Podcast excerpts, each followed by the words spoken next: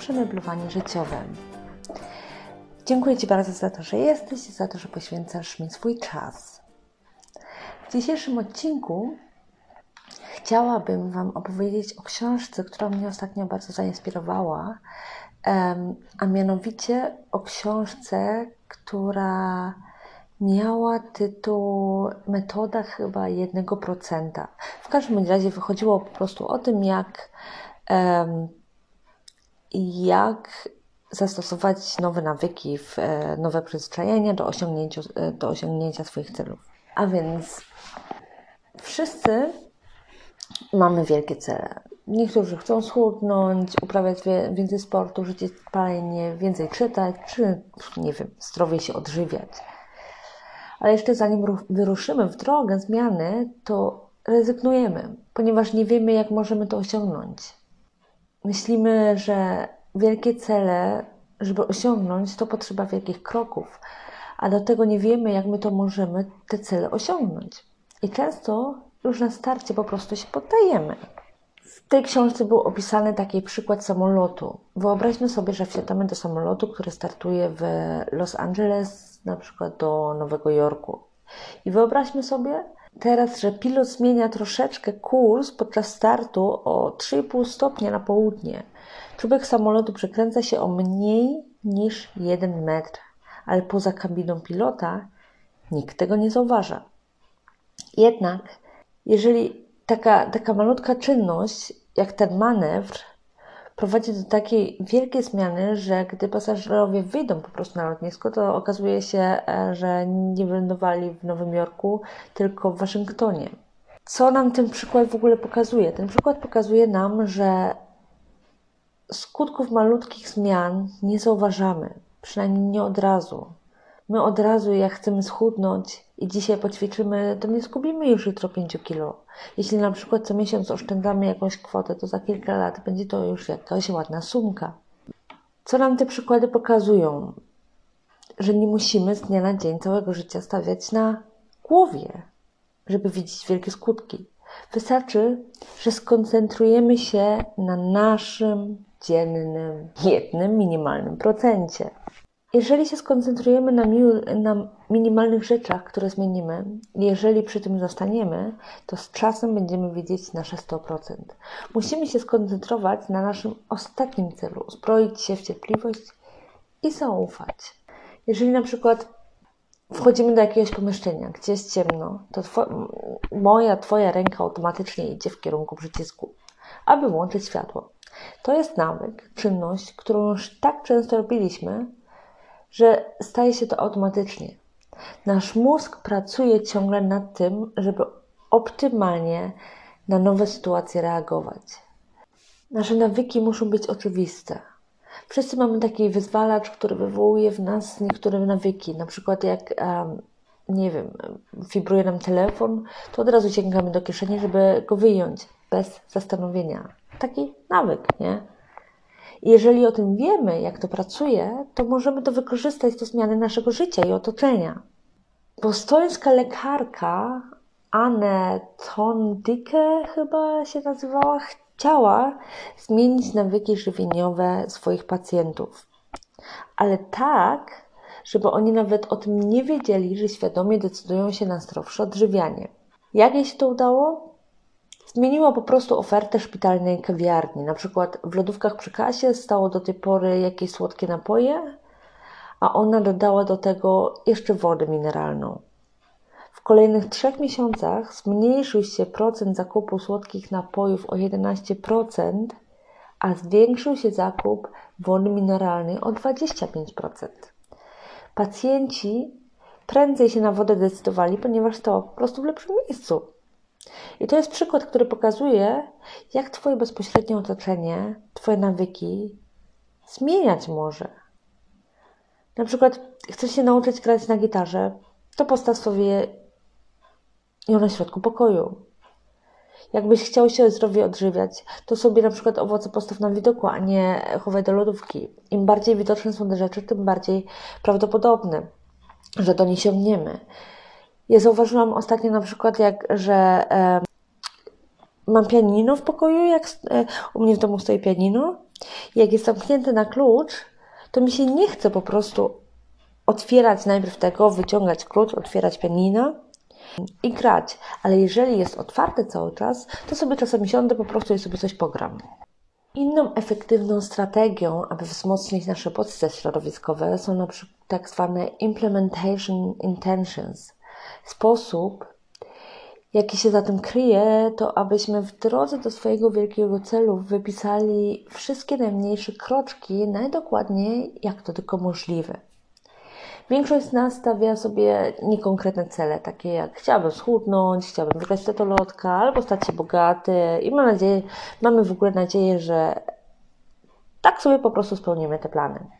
W strategii Implementation Intention musimy zdefiniować konkretne kroki i środki do osiągnięcia tego celu. Na przykład, ty ustalasz, jakie nawyki, kiedy i gdzie przyswajasz. Badania wskazują, że to świetnie funkcjonuje. W 1954 roku opublikowano badania neurobiologów Olds i nie wiem, Miller, Milner, gdzie są pokazane wyniki neurobiologii i uczucia przyjemności na szczurach. Poprzyklejali im elektrody do, e, na głowy, żeby zablokować neuroprzekaźnik dopaminy.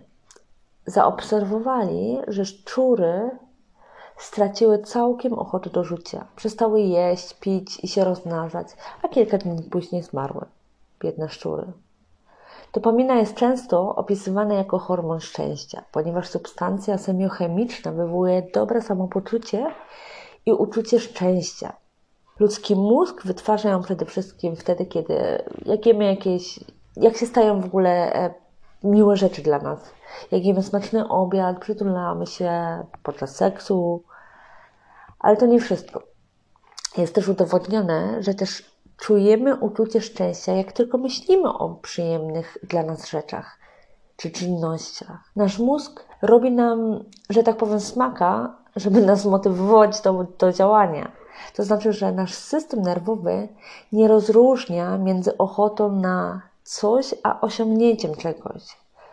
To tłumaczy na przykład, dlaczego dzieci już, nie wiem, kilka miesięcy przed, przed urodzinami już się tak cieszą na te urodziny, na prezenty, Albo na przykład, jak mamy jakąś fajną randkę, to jeszcze przez kolejne tygodnie jesteśmy bardzo rozmarzeni. Czyli co z tego wnioskujemy? Zasada numer dwa.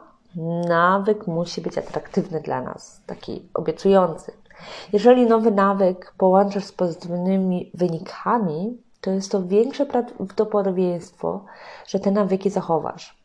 Tutaj można zastosować technikę, którą psychologowie nazywają połączeniem potrzeb, przy tym zostaje pożądany, ale niezbyt atraktywny czy fajny nawyk z miłą chęcią połączony. To znaczy z jakąś czynnością, którą ma na widoku Cię wynagrodzić za to. Wynagrodzić dopaminą, czyli hormonem szczęścia. Udało się to um, takiemu chyba Irlandczykowi, tak, e, taki student irlandzki był, e, Ronan. Nie wiem, jak się nazywa. O, nie powiem Wam. E, zapomniałam teraz nazwiska. Musiałabym poszukać. Um, aczkolwiek, co on zrobił, udało mu się, um, udało mu się coś takiego połączyć, a mianowicie on wiedział, że musi zacząć uprawiać sport. Ale sport nie sprawiał mu żadnej przyjemności. Wolał spędzać czas przed Netflixem. Kto z nas tego nie lubi? Dlatego zmodyfikował jakiś stary, stary rower, czy taki ergometr rowerowy i podłączył, go do swojego laptopa.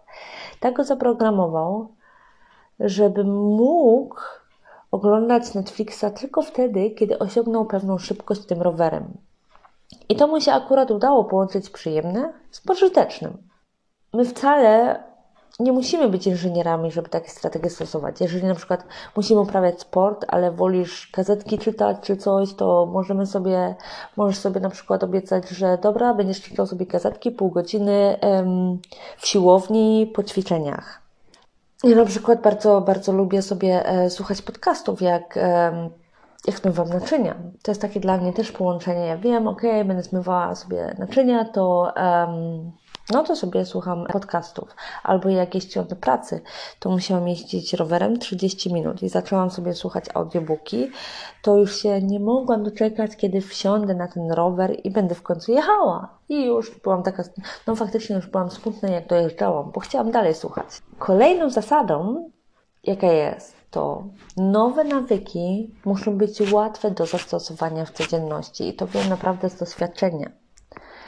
Na przykład 50 pompek czy przysiadów jest zdecydowanie męczące. Takie rzeczy zaprogramować to jako nawyk to już jest sztuka z dnia na dzień zwłaszcza.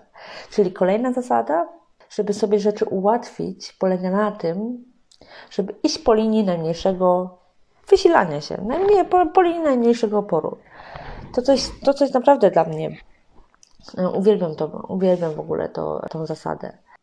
Autor tej książki, Metoda 1%, opisuje, że nie jest w stanie wysyłać kart z życzeniami, pomimo tego, że sobie bardzo często e, to postanawia. Za to jego żona jest mistrzynią w tym. Zawsze kupuje na zapas karty na różne okazje, śluby, chrzciny, urodziny i zawsze ma jakieś w domu. Więc nie musi tracić czasu, najpierw czasu i energii na jazdę do kiosku, do sklepu, wybranie karty, powrót do domu, wypisanie, wysłanie i w ogóle. Ponieważ ma te trzy kroki, gdzieś tam już przy okazji sobie kupiła te karty. Tę metodę też można zastosować, jak chcemy się pozbyć złych nawyków. Jak chcesz na przykład mniej telewizji oglądać, to wyciągaj wtyczkę z telewizora, schowaj baterię do pilota, to będzie Ci się po prostu mniej chciało te dodatkowe czynności jeszcze wykonywać. Ja na przykład ostatnio zajadałam się słodyczami i to naprawdę bardzo. Um, I sobie na przykład moje słodycze wyniosłam do piwnicy. Wierzcie mi, nie chce mi się schodzić. Zastanowię, zastanowię się na, naprawdę trzy razy, zanim pójdę na dół, czy naprawdę mam ochotę na te słodycze. Można też takie nawyki, które chcesz wprowadzić w życie, po prostu stopniowo zastosować. To znaczy, jeżeli chcesz więcej książek czytać, to nie bierz się z dnia na dzień za jakieś, nie wiem, tom czy trylogię, tylko spróbuj na przykład wieczorem dwie strony przeczytać. Jeśli chcesz na przykład biegać jakiś maraton czy coś podobnego, to nie postanawiaj sobie jutro już 5 km po pracy sobie przelecę, tylko przyzwyczajaj się na początek codziennie po pracy, nałożyć buty sportowe. Nawet jeżeli na końcu miałabyś w ogóle nie wyjść z domu. Każda z takich małych nawyków to krok do przodu. Jeżeli na przykład już masz buty założone, to nic ci nie zaszkodzi, jak przejdziesz parę kroków. Jak przeczytałaś dwie strony, to może i trzecią, zanim się rozdział skończy. Ja na przykład sobie um, bardzo mnie męczyła na przykład u mnie w domu umywalkę. Mam taką umywalkę, gdzie tylko zawsze widać jakieś um, ślady wody. I gdzieś przeczytałam, żeby sobie położyć ręcznik dla kości, taki mały ręczniczek dla kości.